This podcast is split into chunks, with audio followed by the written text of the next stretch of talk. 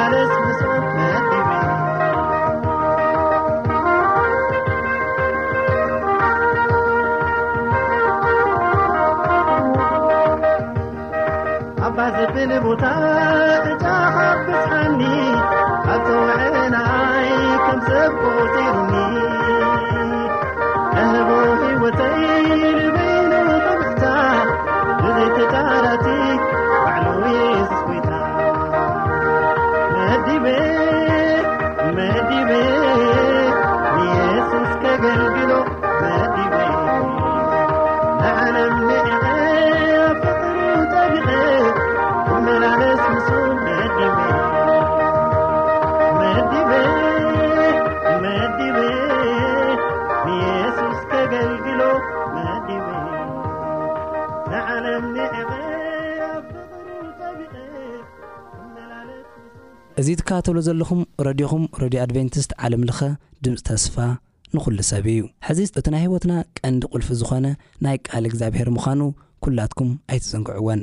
እስቲ ብሓባር እነዳምፅ።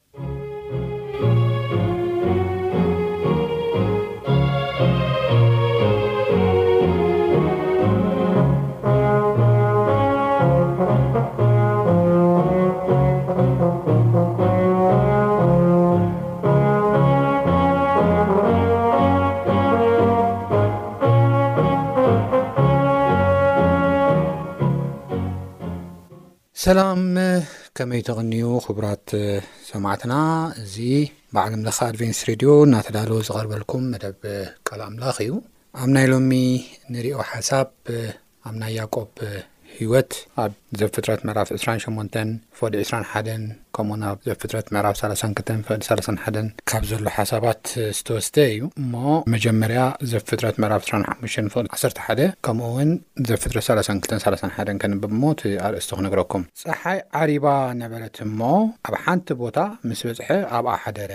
ካብ እማን ታቦታ ወሲዱ ድማ ተተርኢስዋ ኣብታ ቦታ ደቀሰ፣ ጸሓይ ዓሪባ ነበረት ይብለና ኣብዚ ሓሳብ እዚ። ቀጺልና ኣብ ዘፍጥረት ምዕራፍ ሰላሳን ክልተን ፍቕዲ ሰላሳን ሓደን ኬድና ኣብ ንርእየሉ እዋን ከኣ እንታይ ይብለና ንጴኒኤል ምስ ሓለፈ ጸሓይ በረቐቶ ይብለና ንጴኒኤል ምስ ሓለፈ ጸሓይ በረቐቶ ይብለና እሞ ናይ ሎሚ ኣርእስትና እምበኣር ኣብ ዝቕጽል እውን ንሪኦ ሓሳባት ኣብ ህይወትኩም ጸሓይ ክትበርቕ እንተደኣ ደሊኹም ቃል ኣምላኽ ንምእዛዝ ድሉዋት ክትኮኑ ልብኹም ክትከፍቱ ናብ ኣምላኽ ክትቀርቡ ንስሓ ክትኣትዉ ምድሓን ናይ እግዚኣብሔር ድማ ክትቅበሉ ኣለኩም ዝብል ሓሳብ እዩ። እዚ ሓሳብ እዚ ንሪኦ ኣብ ናይ ያእቆብ ሕይወት ተመስሪትና ኢና ንሪኦ ማለት እዩ። ቅድሚ ኩሉ እግዚኣብሔር ምእንቲ ከምህረናን ክመርሓናን ሕጽር ዝበለ ጸሎት ክንጽሊ ኢና ንጸሊ። እግዚኣብሔር ኣምላኽና ስለዚ ግዜን ሰዓትን ነመስግነካ ኣለና። ሕጂ ድማ ቃልካ ከፊትና ኣብ ናይ ኣጽናዕሉ እዋን ንስኻ ምሳና ኩን ምርሓና ሰማዕትን ተዛረብትን ጥራሕ ዘይኮና ፍቓድካ ተግበርቲውን ክንከውን ንስኻ ርድኣና ብጎይታና መድሓና የሱስ ክርስቶስ ስም ኣሜን። ሕራይ እምበኣር ኣብዚ ናይ ሎሚ ሓሳብ እንሪኦ ኣብ ናይ ያቆብ ህይወት እዩ። ያቆብ ወዲ ይሳቅ ወዲ ርብቃ ኣዲኡ ዝፈቱ ኣብ ገዛ ዝውዕል ነዲኡ ዘገልግል ሰብ እዩ ነይሩ። ሓዉ ኤሳው ከኣ ብኣንጻሩ ኣብ ደገ ዝውዕል ሃዳኒ ጠንካራ ሰብ ነቡኡ ድማ ዝፈቱን ዘገልግልን ከም ዝነበረ መጽሓፍ ቅዱስ ይዛረበና እዩ። ክልቲኦም ማናት እኳ ተኾኑ እቲ መጀመርያ ዝወጸ ግን ኤሳው ብምዃኑ እቲ በኹሪ ኤሳው ከም ዝኾነ ኢና ንርኢ። ነገር ግን እዚ ንያእቆብ ኣይተዋሕጠሉን ኣይተዋሕጠሉን። ዘይተዋሕጠሉ ዋና ምኽንያት ማንታ ከሎ ንሱ ከመይ ገይሩ እቡ ከም በዅሪ እጽዋዕ ዝብል ቅቡል ን ኣይተቐበሎን ነይሩ። ካልኣይ ያእቆብ ኣስተውዓሊ ኣርሒቑ ዝርኢ ስለ ዝነበረ፣ ናይ ብዅርና ጥቕሚ እንታይ ምዃኑ ብፍላይ ኣብቲ ናይ እስራኤል ዘመን ናይ ብዅርና ጥቕሚ እንታይ ምዃኑ በዅሪ ምዃን እንታይ ማለት ምዃኑ ብደንቢ ዝተረድኣ ሰብ ስለ ዝነበረ ነዛ በዅሪ እዚኣ ንምውሳድ ብዙሕ ጽዒሩ እዩ፣ ብዙሕ ደልይዋ እዩ፣ ብሃንቀውታ ድማ ናቱ ክትከውን ተመንይዋ እዩ። ካብዚ ዝተላዕለ ካብ ጻዕርታቱ ናይ ኣዲኡ ጻዕሪ እውን ተወሲኽዎ እታ ብኹርና ከም ዝወሰዳት፣ ናይ ብኹርና ጥቕሚ ከም ዝወሰደ ኢና ንርኢ ማለት እዩ። ካብ ዝገርም ኣታሊሉ እዩ ወሲድዎ፣ ናብኡ ኣይኣቱን'የ ሕጂ እቲ ታሪኽ ሰፊሕ ኣይኣቱን'የ፣ ኣታሊሉ እዩ ወሲድዎ፣ ምስ ኣዲኡ ተሓባቢሩ እታ ዝምነያ ዝነበረ ቦኹርና፣ እታ ዝምነያ ዝነበረ ምርቓት፣ ኩሉ ክወስዶ እዩ ደልዩ። እዚኣ ድማ ምስ ኣዲኡ ተሓባቢሩ ከም ዝገበራ ኢና ንርኢ። ዘፍጥረት ምዕራፍ ዕስራን ሸሞንተን ኣብቲ ቅድም ኢለ ዘንበብኩልኩም፣ ነቦኦም ኣሪጉ ነበረ፣ ኣዒንቱውን ምርኣይ ተሳኢኑወን ነበረ እሞ፣ ደሓር ጽቡቕ ብልዒ ምጻለይ ኢሉ ንኤሳው ብዝነገሮ፣ ተሓቢኣ ኣዲኡ ሰሚዓ፣ ጽቡቕ ምሳሕ ኣቦኡ ኸም ዝፈትዎ ገይራ ንያእቆብ እውን ኤሳው ክመስል ገይራ ናብ ኢሳቅ ክኣቱ ኸም ዝገበረት እቲ ኤሳው ካብ ኣቦኡ ዝረኽቦ ዝነበረ ከም ቦኽሪ ምርቓት ድማ ያእቆብ ኩሉ ኸም ዝወሰዶ ኢና ንርኢ ማለት እዩ እቲ ምርቓት። ምርቓት ኣብቲ ግዜ እቲ ዓቢ ቦታ ነይርዎ እዩ ሕጂ እውን እንተኾነ ምርቓት ዓቢ ቦታ ኣለዎ እዩ ጽቡቕ እዩ ምርቓት ሰብ ወላደ ክምርቓካ ዓቢ ሰብ ክምርቐካ ጽቡቕ እዩ። ብዝኾነ ናብቲ ሓሳብና ክንኣቱ ኸለና ኣብ ዘፍጥረት ምዕራፍ ዕስራን ሸሞንተን፣ ቁጽሪ ሓደ፣ ሽዑ ይስሃቅ ንያእቆብ ጸዊዑ መረቖ፣ ከምዚ ኢሉ ድማ ኣዘዞ፣ ካብ ኣዋልድ ከንኣን ሰበይቲ ኣይትእቱ፣ ተንሲእካ ናብ ጳዳን ኣራም ናብ እንዳ ኣባሓጎኻ ቤቱኤል ኪድ እሞ፣ ካብኡ ኸኣ ካብ ኣዋልድ ኣኮኻ ላባን ሰበይቲ ኣእቱ፣ እቲ ዅሉ ዚኽእል ኣምላኽ ድማ ይባርኽካን የፍሪኻን የብዝሕካን፣ ጭፍራ ህዝብታትውን ኩን። እዛ ተሲድካላ ዘሎኻ፣ እግዚኣብሄር ከኣ ንኣብርሃም ዝሃቦ ምድሪ ምእንቲ ኽትወርሳ፣ ንኣኻ፣ ምሳኻ ድማ ንዘርእኻ በረኸት ኣብርሃም ይሃብካ። ይስሃቅ ከኣ ንያእቆብ ሰደዶ።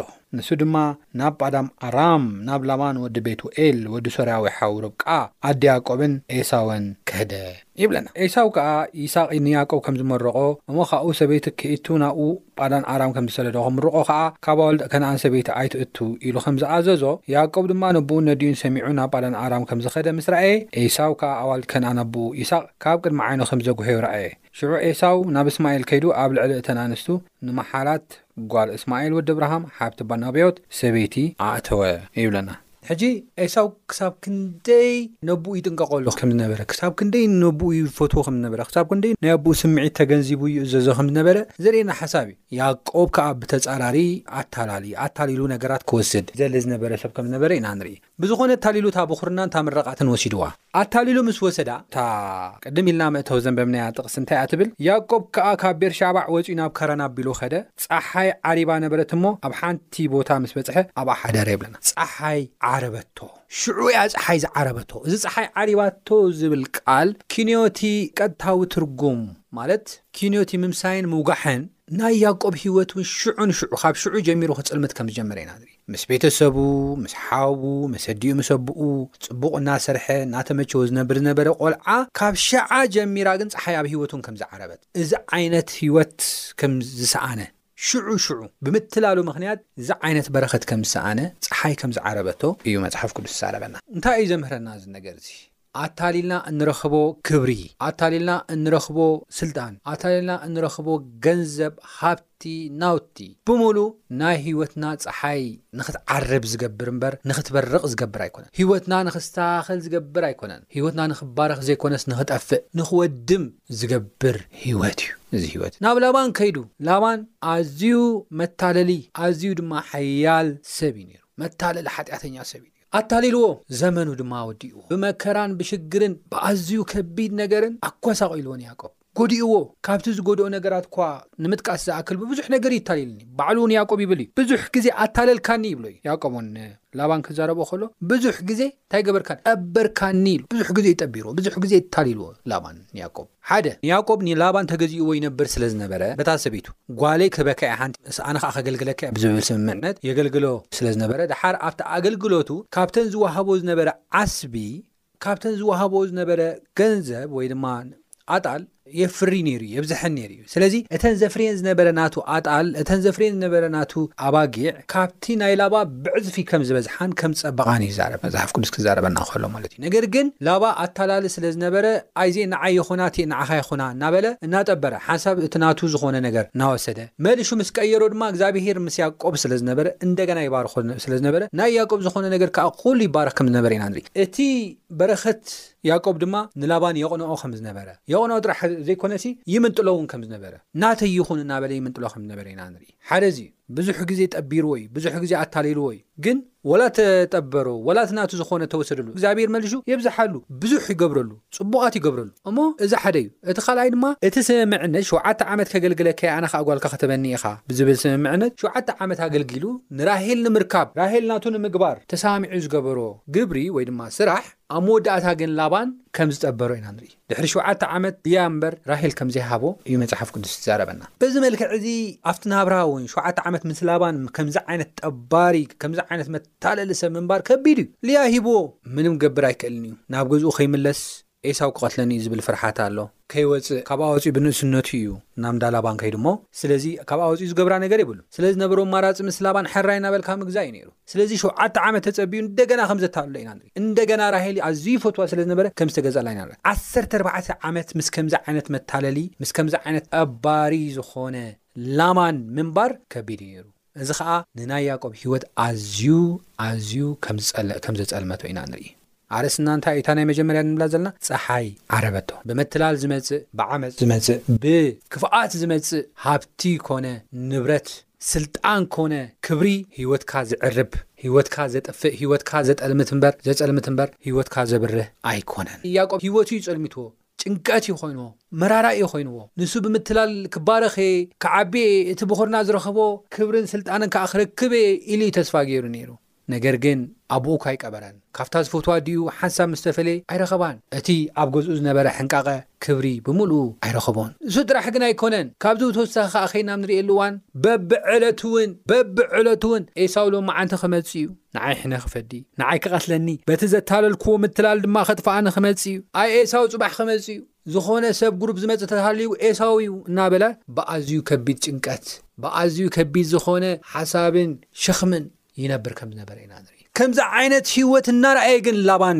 ከምዚ ዓይነት ህይወት እናረኣየ ግን ላባን እንደገና ብምትላል ገንዘብ ክረክብ፣ ዓመጽ ገንዘብ ክረክብ፣ ብምጥፍፋእ ብሓጢኣት ነጻ ኣገልግሎት ክረክብ፣ ብምትላል ሃብታም ክኸውን ይደሊ ከም ዝነበረ ኢና ንርኢ። ሎሚ እውን ብዙሓት እግዚኣብሄር ብኻልኦት ሰባት ገይሩ እናምሀረና ምትላል ዓመፅ ዘይምእዛዝ ህይወት ደቂ ሰባት ዘፀልምት እዩ እናበለና the same ዓይነት ስሕተት ከም ንሰርሕ ኣብቲ ሓጢኣት እዚ ከም ንዝፈቕ ይዛረበና ካብዚ እግዚኣብሄር የድሕነና ኤሳው የባርሮ ከም ዘሎ ናይ ኤሳው በረኸት ሰሪቑ ከም ዝመፀ ላባን ኩሉ ታሪኽ ይፈልጦ እዩ ኩሉ ታሪኽ ይፈልጦ እዩ ኣዘንቲሉ እዩ ነገር ግን ኣብ ከምዚ ዓይነት ምትላል ኣብ ከምዚ ዓይነት ጥበራ ግን ኣትዩ ኣብኡ ከዓ ክልወስ ከሎ ላባን ኢና እንታይ ዓይነት እዩ ከቢድ እዩ እንታይ ከይገጥመና ኣነ እንታይ ከይመፀኒ ብምባል ኣብ ከምዚ ዓይነት መተላል ምጭብርባር ጥበራ ተፀሚዱ ከም ዝነበረ ኢና ንርኢ ብዝኾነ ናብ ያቆብ ንመለስ እሞ ኣዋ ሓሳብ ን ያቆብ ከቢድ ፈተናታት ላባን ኮይኑ ከቢድ ፈተናታት ንኣስታት 20 ዓመት ሙሉእ ንምስ ላባን ምስ ጠባርን ምስ መታለልን ሰብ ከም ነበረ ኢና ንርኢ ኣምላኽ ምስ ዘይፈርህ ጨካን ሰብ፣ ቤተሰበይ ኢሉ፣ ዘመደይ ኢሉ እኳ ዜንከባኽብ ጨካን ሰብ ከም ዝነበረ ኢና ንርኢ። እዚ ኸኣ ንናይ ያእቆብ ህይወት ኣዝዩ ከም ዝጸልመቶ ኢና ንርኢ። ስለዚ ኣብ መጽሓፍ ቅዱስ ኣብ ዘፍጥረት ምዕራፍ ዕስራን ሸሞንተን ፍቕዲ ዓሰርተ ሓደ ዝረኣናዮ ሓሳብ ጸሓይ ዓሪባ ነበረት ይብለና። ያእቆብ ካብኡ ክወጽእ ከሎ ኦሬዲ ጸልሚቱ ነበረ። ናይ ያእቆብ ሂልቦት እውን ጸልሚቱ እዩ። ሽዑ እዩ ጸልሚቱ ናብ ዳላባን ኣትዩ ድሕሪ ዕስራ ዓመት ኣይኮነን ጸልሚቱ ሽዑኡ መሰታለልና እዩ ጽልምት እሞ ካብዚ ክንቁጠብ ይግበኣና ክንመሃር ይግበኣና ዓሻ ሰብ ካብ ጌግኡ ይመሃር ለባም ግን ካብ ዓርኩ ስሕተት ወይ ድማ ካብ ካልኦት ሰብ ይመሃር ዝበሃል ምሳሌ ኣሎ ንለባም ኣምተሉ ክንደየናይ ከይስሕቶ ንዓሻ ደርጉሓሉ ክንደየናይ ክሕዞ ከም ዝበሃልእ ማለት እዩ። ኣንፈት ረኺቡ ነይሩ እዩ። ምትላል ምጥባር ከመይ ንህይወት ሚዝራብል ከም ዝገብር፣ ከመይ ከም ዘሳቒ ተረዲኡ ነይሩ እዩ። ላባን ካብዚ ሓጢኣት እዚ ክወጽእ ኣይከኣለን። ብዝኾነ ዕስራ ዓመት ከበድቲ ዓመታት ምስ ሓለፈ ያእቆብ ክኸይድ እየ ከም ዝበለ ኢና ንርኢ። በቃ ክኸይድ እየ ክወጽእ እየ ከም ዝበለ ኢና ንርኢ። ያእቆብ ድማ ይብለና ኣብ ዘፍጥረት ምዕራፍ 32 ቁጽሪ ሓደ መንገዱ ከደ መላእኽቲ እግዚኣብሄር ከኣ ተጓነፉ፣ ያእቆብ ምስ ረኣዮም ድማ፣ እዚ ጭፍራ ኣምላኽ እዩ በለ። ነታ ቦታ እቲኣ ኸኣ ማሃናይም ኣውጸኣላ። ያእቆብ ድማ ናብ ኤሳው ሓዉ፣ ናብ ሃገር ሴዒር፣ ይቅርታ፣ ቅድሚኡ ቅድሚ ሰላሳን ክልተን ምርኣይና፣ ቅድሚ እዚ ኹሉ ግን፣ ቅድሚ እዚ ዕስራ ዓመት ናይ ስቓይ ዓመታት ግን፣ ሓሊሙ ነይሩ ያእቆብ፣ ሕልሚ ሓሊሙ ነይሩ። እንታይ ይብለና ኣብ ዘፍጥረት ምዕራፍ ዕስራን ሸሞንተን ፍቅዲ ዓሰርተ ሰለስተ፣ ሕልሚ ኸኣ ሓለመ እሞ፣ እንሆ፣ መሳልል ኣብ ምድሪ ደው ኢሉ፣ ርእሱ ድማ ናብ ሰማይ ጠንቍሩ፣ እንሆ ኸኣ መላእኽቲ ኣምላኽ ይድይቡን ይወርዱሉን ነበሩ። ን ድማ እግዚኣብሄር ኣብ ልዕሊኡ ደው ኢሉ በሎ፣ ኣነ እግዚኣብሄር ኣምላኽ ኣቦኻ ኣብርሃምን ይስሃቅን እየ። እዛ ንስኻ ኣብ ልዕሊኣ ደቂስካላ ዘሎኻ ምድሪ ንኣኻን ንዘርእኻን ክህባ እየ፣ ዘርእኻ ድማ ከም ሓመድ ምድሪ ክኸውን እዩ፣ ንምዕራብን ንምብራቕን ንሰሜንን ድማ ክትሰፍሕ ኢኻ፣ ኩሎም ዓሌታት ምድሪ ድማ ብኣኻ ክባረኹ እዮም፣ ብዘርእኻን ክባረኹ እዮም ኢሉ ከም እተዛረቦ ኢና ንርኢ። ኣብዚኣ እንሪኣ ዋና ሓሳብ ኬድና ንርኢ ኣሎዋን ሕልሚ ከም ዝሓለመ ኢና ንርኢ። እታ ሕልሚ እንታይ እዩ? መሳልል ወይ ድማ ደረጃ፣ ኣስካላ ኣስካላ እንብሎ ማለት፣ ካብ ምድሪ ክሳብ ሰማይ ተዘርጊሑ ከም ዝርኣ ኢና ንርኢ። እዚ መሰል እዚ ናይ ክርስቶስ ተምሳሌት እዩ። ክርስቶስ ናይ ሰማይ ኣክሰስ ክንረክብ ናይ ሰማይ በረከት ክንረክብ መላእክቲ ንዓና ክሕግዙና ክድግፉና ክረድኡናን ንክመፁን እንደገና ብሕታዊ መንገዲ ማእከላዋይ መን እዩ ክርስቶስ እየሱስ እዩ ስለዚ ብእየሱስ ክርስቶስ ፀጋ ኣምላክ ናኡ ይመፅእ ከም ዝነበረ ብእየሱስ ክርስቶስ ፀጋ ኣምላክ ፀሎቱ ድማ ናኡ ይምለስ ከም ዝነበረ ኢና ንሪኢ ስለዚ እግዚኣብሔር ከምዘይሓደጎ ምስኡ ከም ዝኮነ በረኸት ዝመጸሉ መንገዲ እግዚኣብሄር ከም ዘዳለወሉ፣ ህይወቱ ዝመሓየሸሉ፣ ህይወቱ ዝድሕነሉ መንገዲ እግዚኣብሄር ከም ዘርኣዮ ኢና ኢና ንርኢ። ስለዚ ህይወትና ብሕታዊ ክድሕነሉ ዝኽእል መንገዲ ካብ ሰማይ ብዝመጽእ መፍትሒ እዩ። ካብ እግዚኣብሄር ካብ ብዝመጽእ መፍትሒ እዩ። ካብ ኣርያም ካብ ዝመጽእ መፍትሒ እዩ እምበር ካብ ምድሪ ኣይኮነን። ምዝማዝ ሰሪሑ ክመሓየሽ ኣይከኣለን ዕስራ ዓመት ሙሉ። ብዝኾነ ናብቲ ዘፍጥረት ምዕራፍ ሰላሳን ክልተን ክኣቱ እሞ ድሕሪ ዕስራ ዓመት ያእቆብ። ከም ዝኸደ ይኣኽለን ኢሉ ከም ዝኸደ ኢና ንርኢ። ኣብዚ ሕልሚ ዝሓለመሉ ቦታ እግዚኣብሄር ኣሎ ኢሉ ሹማ እንታይ ኢልዋ ነይሩ ቤትኤል። እዚ ናይ እግዚኣብሄር ስፍራ ኢሉ መን እዩ ሰይምዋ ነይሩ ቤትኤል ኢሉ እዩ ሰይምዋ ነይሩ። ምክንያቱ ኣብታ ስፍራ እቲኣ እግዚኣብሄር እንታይ ኢልዎ ነይሩ ኣብ ዘፍጥረት ምዕራፍ ዕስራን ሸሞንተን ፍቕዲ ዓሰርተ ሓሙሽተ እንዃ ኣነ ምሳኻ እየ እቲ ዝበልኩኻ ክሳዕ ዝገብሮ ኣይሓድገካን እየ እሞ ኣብ እትኸዶ ኹሉ ክሕልወካ እየ ናብዛ ምድሪ እዚኣ ድማ ክመልሰካ እየ ስለ ዝበሎ ያእቆብ ድማ ካብ ድቃሱ ተባራበረ ኣነን ድማ ኣይፈለጥኩን ነይረ እምበር ብሓቂ እግዚኣብሄር ኣብዛ ቦታ እዚኣ ኣሎ በለ ፈሪሁ ድማ ነዛ ቦታ እዚኣ ክንደይ ተፍርያ እዚኣ ቤት ኣምላኽ እያ እምበር ካልእ ኣይኮነትን እዚኣ ኸኣ ደገ ሰማይ እያ፣ በለ። ያእቆብ ድማ ንጽባሒቱ እንግዩ ተንስአ፣ ኣብታ ተተርኢፋ ዝነበረ እምኒ ወሲዱ ሓወልቲ ኪኸውን ኣቘሞ፣ ኣብ ርእሱ ኸኣ ዘይቲ ኸዓወሉ፣ ስም እታ ቦታ ኸኣ ቤትኤል ኣውጽኣላ፣ ቀደም ግና ስም እታ ኸተማ ሉዛ ወይ ድማ ሉዝ ይብሃል ነበረ ይብለና።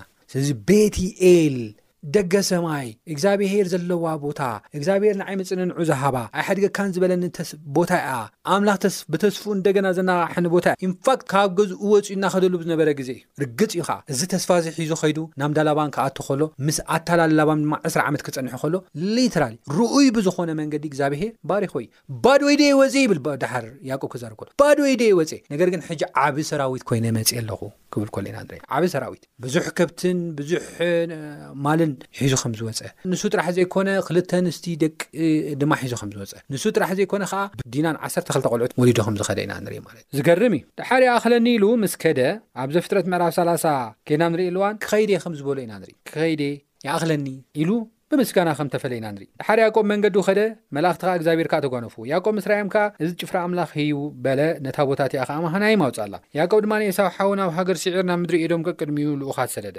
ይቕሬታ ክብሎ ምስ ሓዉ ክራኸብ መቸም ዕስራ ዓመት ምፍልላይ ከቢድ እዩ። ዘለዎ ንሱ ብሕታዊ ሓዉ እዩ። ኣቡኡን ኣዲኡን የለዉን። ብሕታዊ ሓዉ እብዛ ምድሪ ንሱ ጥራሕ እዩ። መተዓብይቱ ንሱ እዩ። እሞ ክዕረቖ ጽልኢ ኾይኖም ከይነብሩ ክልተ ኣሕዋት። ኢሉ መልእኽቲ ሰደደ፣ ከምዚ ኢሉ ድማ ኣዘዞም፣ ንጐይታይ ኤሳው፣ ጊልያኻ ያእቆብ ከምዚ ይብል ኣሎ፣ በልዎ፣ ላባን ተቐሚጠ ነበርኩ፣ ክሳዕ ሕጂ ደንጐኹ። ኣባዕርን ኣእዱግን ጠለበጊዕን ገላዉን ኣግራድን ኣለዉኒ፣ ኣብ ቅድሜኻ ሞገስ ምእንቲ ኽረክብ ድማ እዚ ንጐይታይ ክነግር ለኣኽኩ። እቶም ልኡኻት ድማ ናብ ያእቆብ ተመሊሶም፣ ናብ ሓውካ ኤሳው በጻሕና፣ ንሱ ምስኡ ዝነበሩ ኣርባዕተ ሚእቲ ሰብኣይ ክቀባበለካ ይመጽእ ኣሎ፣ በልዎ። ሽዑ ያእቆብ ኣዝዩ ፈርሀ፣ ተጨነቐውን። ምስኡ ንዝነበሩ ሰብን ጤለበጊዕን ኣሓን ኣግማል ድማ ኣብ ክልተ ጋንታ መቐለ። ኤሳው ድማ ኣብ ሓደ ጋንታ መጺኡ እንተወቕዖ እቲ ዝተረፈ ጋንታ ይድሕን በለ። ያእቆብ ድማ በለ እዎ ኣምላኽ ኣቦይ ኣብርሃም ኣምላኽ ኣቦይ ይሳቅን እግዚኣብሄር ናብ ሃገርካ ናብ ዓሌትካ ተመለስ እሞ ጽቡቅ ክገብረልካ እየ ዝበልካኒ እዚ ንባራካ ጌርካዮ ዘሎካ ኩሉ ለውሃትን ኩሉ እምነትን ዘይግብኣኒ እዩ እዚ ዮርዳኖስ እዚኣ ብበትረይ እየ ተሳገርክዋ ሕጂ ግና ክልተ ጋንታ ኮይነ ኣለኩ መጺኡ ምስ ደቂ ከይወቕዓኒ ይፈርሁ ኣለኩ እሞ በጃካ ካብ ኢድ ሓወይ ካብ ኢድ ኤሳው ኣድሕነኒ። ንስኻ ድማ ብዙሕ ጽቡቕ ክገብረልካ'የ፣ ንዘርእኻ ካብ ብዙሕ እተላዕለ ክቑጸር ዘይክእል ከም ሑጻ ባሕሪ ክገብሮ'የ ኢልካ ኣሎኻ። በታ ለይቲ እቲኣ ኸኣ ኣብኡ ሓደረ፣ ኣብ ኢዱ ኸኣ ዘለዎ ኽል ንኤሳው ሓው ገጹ ኸኣ በረኸት ወሰደ። ክልተ ሚእቲ ጤልን ዕስራ ድቤላን ክልተ ሚእቲ ባጊዕን ዕስራ ድዑልን ሰላሳ እተጥቡ ገመልን መምስ ውላደን ኣርብዓ ላምን ዓሰርተ ኣርሓን ዕስራ ኣድግን ዓሰርተ ዒሉን እዚኣተን በብመገሪኤን ከፋፊሉ ኣብ ኢድ ግዙኣት ወሃቦም። ንግዙኣት ንመጋርያ ኣረሓሒቑ ቀቅድሚ ሕልፉ በሎም፣ ነቲ ቀዳማይ ሓወይ ኤሳው ምስ ተጓነፈካ እሞ፣ ናይ መን ኢኻ? ናበይከ ትኸይድ ኣሎኻ? እዚ ቕድሚኻ ዘሎኸ ናይ መን ኢን? ኢሉ እንተ ሓተተካ፣ ናይ ጊልያኻ ያእቆብ፣ ንጐይታይ ኤሳው ገጸ በረኸት ዝሰደደኒ ኢን፣ ንሱ ድማ እንሆ ብድሕሬና ኣሎ፣ በሎ፣ ኢሉ ኣዘዞ። ከምኡ ኸኣ ነቲ ኻልኤቲ፣ ነቲ ሳልሳይን ነቶም መጓሰ ዝኸበቡ ዅሎምን ከምዚ ኢሉ ኣዘዞም፣ ንኤሳው ምስ ረኸብኩምዎ ኸምዚ ዘረባ እዚ ተዛረብዎ፣ ጊልያኻ ያቆብ ድማ በዚ ቅድመይ እዚ ዝኸይድ ዘሎ ገጸ በረከት ከዝሕሎ ኢየ። ደድሕሪ ገጹ ክርኢ ምናልባሽ ብጽቡቕ እንተ ተቐበለኒ ኢሉ እነሁ በድሕሬና ኣሎ በሉ። በዚ ኸምዚ እቲ ገጽ በረከት ቀቅድሚኡ ሓለፈ። ንሱ ኸኣ በታ ለይቲ እቲኣ ኣብቲ ሰፈር ሓደረ። ሕጂ ብምትላል፣ ብዓመጽ፣ ብኽፍኣት፣ ንእግዚኣብሄር ብዘይምእዛዝ፣ ንሰብ ብምጉዳእ እኳ ሓጢኣት እንተ ሰራሕና፣ እንተ ሓጠና፣ እግዚኣብሔር ካባና ዝደልዮ ሎሚ ኮነ ፅባሕ ድሕሪ ፅባሕ ኮነ ድሕሪ ወርሒ ካባና ዝደልዮ ማንኛውም ኣብ ዝኾነ ይኹን ግዜ ካባና ዝደልዮ ተሃለወ እንታይ እዩ ንስሓ እዩ ኣብ ቅድሚ እግዚኣብሔር ርእስና ትሕት ከነብል እዩ ኣብ ቅድሚ እግዚኣብሔር ድማ ብትሕትና ምስ እግዚኣብሔር ክንማላለስ እዩ ዝደሊ ካልእ እግዚኣብሔር ካባና ዝደልዮ ነገር የለን እዚ ሚክያስ ምዕራፍ ሽዱሽተ ካብ ሽዱሽተ ክሳብ ሸሞንተ ተጠቂሱ ኣሎ እዩ ስለዚ ያቆብ ኣብ ቅድሚ እግዚኣብሔር ርእሱ ከምዘትሓተ ኢና ንርኢ ርእሱ ከምዘትሓተ ኢና ንርኢ ከም ዝጸለየ ኢና ንርኢ። በታ ለይቲ እቲኣ ኸኣ ተንሲኡ ክልተ ኣናንስቱ ክልቲኡ ግዛኣቱ ዓሰርተ ሓደ ደቁን ወሲዱ መሳገርያ ያቦቅ ተሳገረ፣ ወሲዱ ሩባ እስገረን ዘለዎ ዘበለ ኸኣ ኣሳገረ። ያእቆብ ግና በይኑ ተረፈ፣ ሓደ ሰብኣይ ድማ ምድሪ ክሳዕ ዝወግሕ ተቃለሶ። ንሱ ኸኣ ከም ዘይክእሎ ምስ ረኣየ ምሕኩልቱ ተንከዮ፣ ክቃለሶ ከሎ ኸኣ ምሕኩልቱ ያቆብ ተቆጸ። እቲ ሰብኣይ ድማ ምድሪ ይወግሕ ኣሎ እሞ ሕደገኒ በለ። ንሱ ኸኣ ከይባረኽካ ንስኣይ ሓድገካን ከይባረኽካ ንስኣይ ሓድገካን እዩ በለ። ሽዑ ንሱ እንታይ እዩ ስምካ በሎ። ያእቆብ በለ። ንሱ ኸኣ፣ ምስ ኣምላኽን ምስ ሰብን ተቓሊስካ ኣሕሚቕካ ኢኻ እሞ፣ ደጊም ስምካ እስራኤል እምበር፣ ያእቆብ ኣይክበሃልን'ዩ በሎ። ያእቆብ ድማ፣ በጃኻ ስምካ ንገረኒ ኢሉ ሓተቶ። ንሱ ኸኣ፣ ስለምንታይ ብዛዕባ ስመይ ትሓትት? በለ። ኣብኡ ድማ ባረኾ። ያእቆብ ከኣ ንኣምላኽ ገጽ ነገጽ ርእየ እሞ፣ ነፍሰይ ድሒና እያ፣ ኢሉ ስም እታ ቦታ እቲኣ፣ ጴኒኤል ኣውጽኣላ። ስለዚ፣ ትሕት ምባሉ ኣብ ቅድሚ እግዚኣብሔር ንስሓ ምእታዉ ብምንዛዙ ምሕረት እግዚኣብሔር ከም ዝረኸበ ፀሓይ ዓሪባቶ ዝነበረት ያዕቆብ ኣብ ቁፅሪ ሰላሳን ሓደን እግዚኣብሔር ፊት ንፊት ምስ ረኣየ ምስ እግዚኣብሔር ኣብ ብሓደ ምስ ኮነ ምስ ተናዘዘ እግዚኣብሔር ኣድሕነኒ ባርኸኒ ከይባረኽካኒ ኣይሓድገካንየ ኢሉ ምስ እግዚኣብሔር ምስ ተቓለሰ መፅሓፍ ቅዱስ ኣብ ዘፍጥረት ምዕራፍ ሰላሳን ክልተን ፍቅዲ ሰላሳን ሓደን ንጴኒኤል ምስ ሓለፈ ኸዓ ፀሓይ በረቐቶ ይብለና። ዝጸልመተ ህይወቱ ከም ዝበርሀ፣ ዘጨነቖ ዘግበጦ ብጭንቀት ድማ ብፍርሒ ብራዕድን ሰላም ዘስኣኖ ነገር ድማ ካብኡ ከም ተገፈ እግዚኣብሄር ብሰላምን ብፍቕርን ብዝተፈላለየ በረኸትን ኣዝዩ ከም ዝባረኾ ናይ ዘመናት ሕትኡ ድማ ከም ዝመለሰሉ ኢና ንርኢ እወ ንያእቆብ ህይወቱ ጸሓይ ከም ዝበረቐትሉ ህይወቱ ደስ ከም ዘበሎ ከም ተሓጎሰ እልል ከም ዝበለ እዩ መጽሓፍ ቅዱስ ዝዛረበና። እሞ ንጴኒኤል ምስ ሓለፈ ጸሓይ በረቐቶ። ሎሚ ሓጢኣት ሰሪሕና ክንከውን ንኽእል ኢና። ሎሚ በዲልና ክንከውን ንኽእል ኢና። ሎሚ ካብ እግዚኣብሔር መንገዲ ርሒቕና ክንከውን ንኽእል ኢና። እግዚኣብሔር ግን ካባና ዝደልዮ፣ እግዚኣብሔር ግን እቲ ካባና ዝጽበዮ ነገር ተሃለወ ኣብ ቅድሚኡ ብትሕትና ክንመላለስ፣ ሓጢኣትና ከንናዘዝ ንሱ ይብል እዩ መጽሓፍ ቅዱስ ኣብ ቀዳማይ ዮሓንስ ምዕራፍ ሓደ ፍቕዲ ትሽዓተ። ሓጢኣትኩም እንተ ተናዘዝኩም ሓጢኣትኩም ይቕረ ክብለልኩም ካብ ሓጢኣትኩም ድማ ካብ ዓመጻኹም ድማ ከንጽሃኩም ፍጹም ጻድቕን ሰናይን እዩ ኣምላኽና እዩ። ጻድቕን ሰናይን! ሰናዩ እዚ እኮ ሓጢኣት ሰሪሕኻ ኔርካ ዝብል ኣምላኽ ኣይኮነን ሂወትና እንደገና ብሓጢኣት ዝጸልመተ ሂወትና ጸሓይ ከም ዝዓረበት ብሓጢኣት ዝደብዘዘ ሂወትና ብጭንቀትን ብታእሽሙን ብረብሻን ዝጎበጠ ሂወትና የቐኒዑ ጎይታ ደው የብል እዩ እንደገና ዘቐውም እዩ እንደገና ክንባርኾ እግዚኣብሄር ከነመስግኖ ዝገብር ኣምላኽ እዩ። ምንም እኳ ካብ ኣምላኽ ሪሕቅኩም እንተ ኾንኩም፣ ምንም እኳ ዓሚጽኩም እንተ ኾንኩም፣ ምንም እኳ ኣብ ቅድሚ እግዚኣብሄር ዝሕዝኖ ነገር ጌርኩም እንተ ኸድኩም፣ ናብ እግዚኣብሄር ተመለሱ። እግዚኣብሄር ይጽውዕ ኣሎ፣ ህይወትኩም ንኸብርቕ፣ ጴንኤል ክኾነልኩም፣ እቲ ዘለኹሞ ቦታ እግዚኣብሄር ፊት ንፊት እትርእይሉ፣ በረኸት እግዚኣብሄር እትቕበልሉ፣ ድሕሪኡ ድማ ናይ ህይወትኩም ጸሓይ እትበርቀሉ ክትኮነልኩም ናብ እግዚኣብሄር ቅረቡ። ምስ እግዚኣብሄር ተዛራረቡ፣ ቃል እግዚኣብሄር ፍለጡ፣ ናይ እግዚኣብሄር መንገዲ ተቐበሉ፣ ናይ የሱስ ምድሓን ተቐበሉ። ከም ፍቓዱ ድማ ተመለሱ እሞ እዚ ብምግባር ንእግዚኣብሔር ክነቕርብ ንዓናውን ሰላም ክንረክብ ምስ ኤሳው ዘለና ቅርሕንቲውን ክንፈትሕ ድሕሪ ጰኒኤል ኩሉ ሰላም ኮይኑ እዩ ዝነበሮ ናይ ዕስራ ዓመት ጭንቀት ኤሳው ክቐትለኒ እዩ ዝብል ዝነበረ ድሓር ደይተጸበየ እዩ ኮይኑ ጰኒኤል ምስ ሓለፈ ምስ ኤሳው ተሓቛቒፎም እዮም ምስ ኤሳው ሰላም ኮይኖም እዮም ድሕሪኡ ስግኣት ዝብሃል ኣይነበረን ኤሳው ሓወይ ኣሎ ናተባህለ ይሕተት ያቆብ ሓወይ ኣሎ ናተባህለ ከም ኣሕዋት ኣዝዮም ዝፋቐሩ ኣሕዋት እዮም ኮይኖም ስለዚ ነፍሱ ድሒና ካብ ጭንቀት ካብ ዝነበረ ሓጢኣት ካብ ዝነበረ ጥፍኣት ኩሉ ድሒና ንእግዚኣብሔር ከም ዘኽበረት እዩ ዝዛረበና እሞ ንሕና እውን ከምዚ ዓይነት በረኸት ከምዚ ዓይነት ተስፋ ከምዚ ዓይነት ህይወት ክኾነልና ኣብ ቅድሚ እግዚኣብሔር ብትሕትና ክንመላለስ ይግብኣና ሓጢኣትና ክንናዘዝ ናብ እግዚኣብሔር ክንቀርብ ባርኸኒ ክንብሎ ቃሉ ክንፈልጥ ምድሓኑ ድማ ክንቀበል ይግብኣና እዚ ክንገብር እግዚኣብሔር ፀጉ የብዝሓልና ኣብ ዝቐፅል ብካልእ ክሳብ ንራኸብ ሰላም ኩኑ ጎይታ ይባርኽኩም